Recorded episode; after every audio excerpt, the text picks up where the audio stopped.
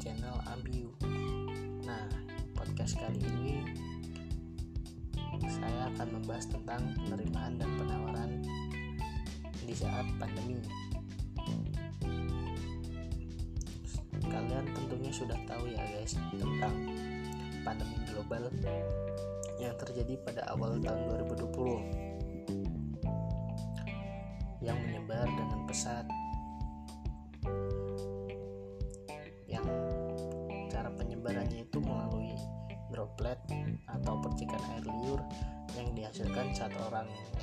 yang terinfeksi batuk, bersin, dan menghembuskan nafas. Droplet ini terlalu berat untuk terlalu berat dan tidak bisa bertahan di udara sehingga dengan cepat jatuh dan menempel pada lantai atau permukaan lainnya. Anda dapat tertular pada saat menghirup udara yang mengandung virus jika Anda berada terlalu dekat dengan orang yang sudah terinfeksi COVID-19. Maka dari itu, Anda diwajibkan untuk menjaga jarak kepada orang terdekat Anda atau orang yang berada di dekat Anda. Penyakit virus corona adalah penyakit menular yang disebabkan oleh virus corona yang baru-baru ini ditemukan sebagian besar orang yang tertular COVID-19 akan mengalami gejala ringan hingga sedang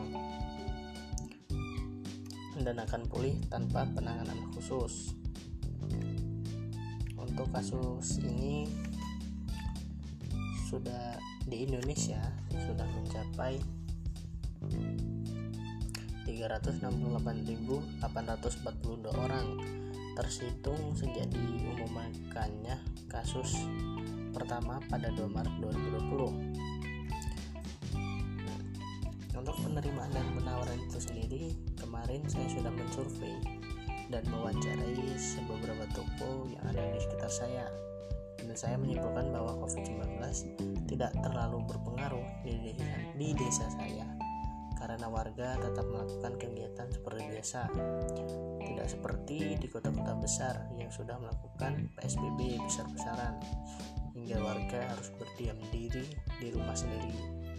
Maka dari itu, toko tutup semua. Hanya beberapa toko yang menyediakan makanan saja yang buka. Itu pun hanya beberapa dengan aturan tidak boleh menerima pelanggan yang yang makan di tempat. Namun untuk sekarang sudah mulai buka ya satu persatu. Kalau harus tutup terus, maka warga tidak bisa makan karena kan tidak adanya uang.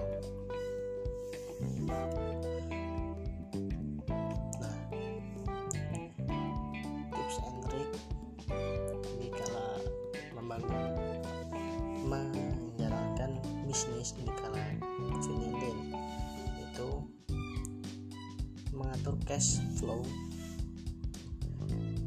Biasa mengubah caranya dalam menjalankan bisnis dari yang semula mode attack menjadi mode survivor upaya yang dilakukan mulai dari efisiensi biaya untuk kegiatan branding menunda kegiatan ekspansi perusahaan hingga menunda campaign lebaran.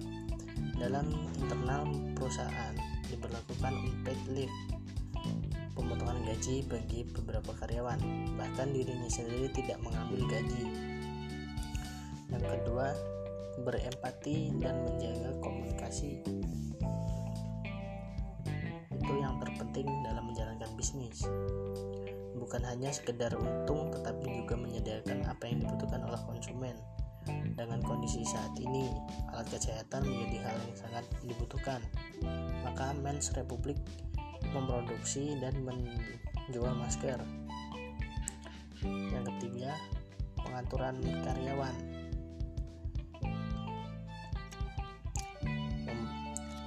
Itu harus memperlakukan work from home dan mewajibkan karyawannya untuk mengisi aplikasi update pekerjaan guna menjadi menjaga produktivitas perusahaan.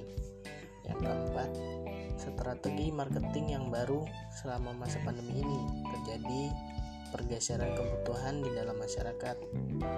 Mereka cenderung akan mengesampingkan hal-hal sekunder seperti kebutuhan fashion, fashion termasuk sepatu. Memberikan potongan harga untuk semua produk adalah salah satunya. Yang kelima, memanfaatkan layanan perbankan. Para pelaku usaha dituntut harus mampu memanfaatkan layanan-layanan perbankan online secara optimal. Tidak sedikit perbankan yang menawarkan layanan-layanan semacam ini yang akan memudahkan para pelaku usaha dalam menjalankan bisnisnya. Podcast kali ini saya akhiri. Wassalamualaikum warahmatullahi wabarakatuh.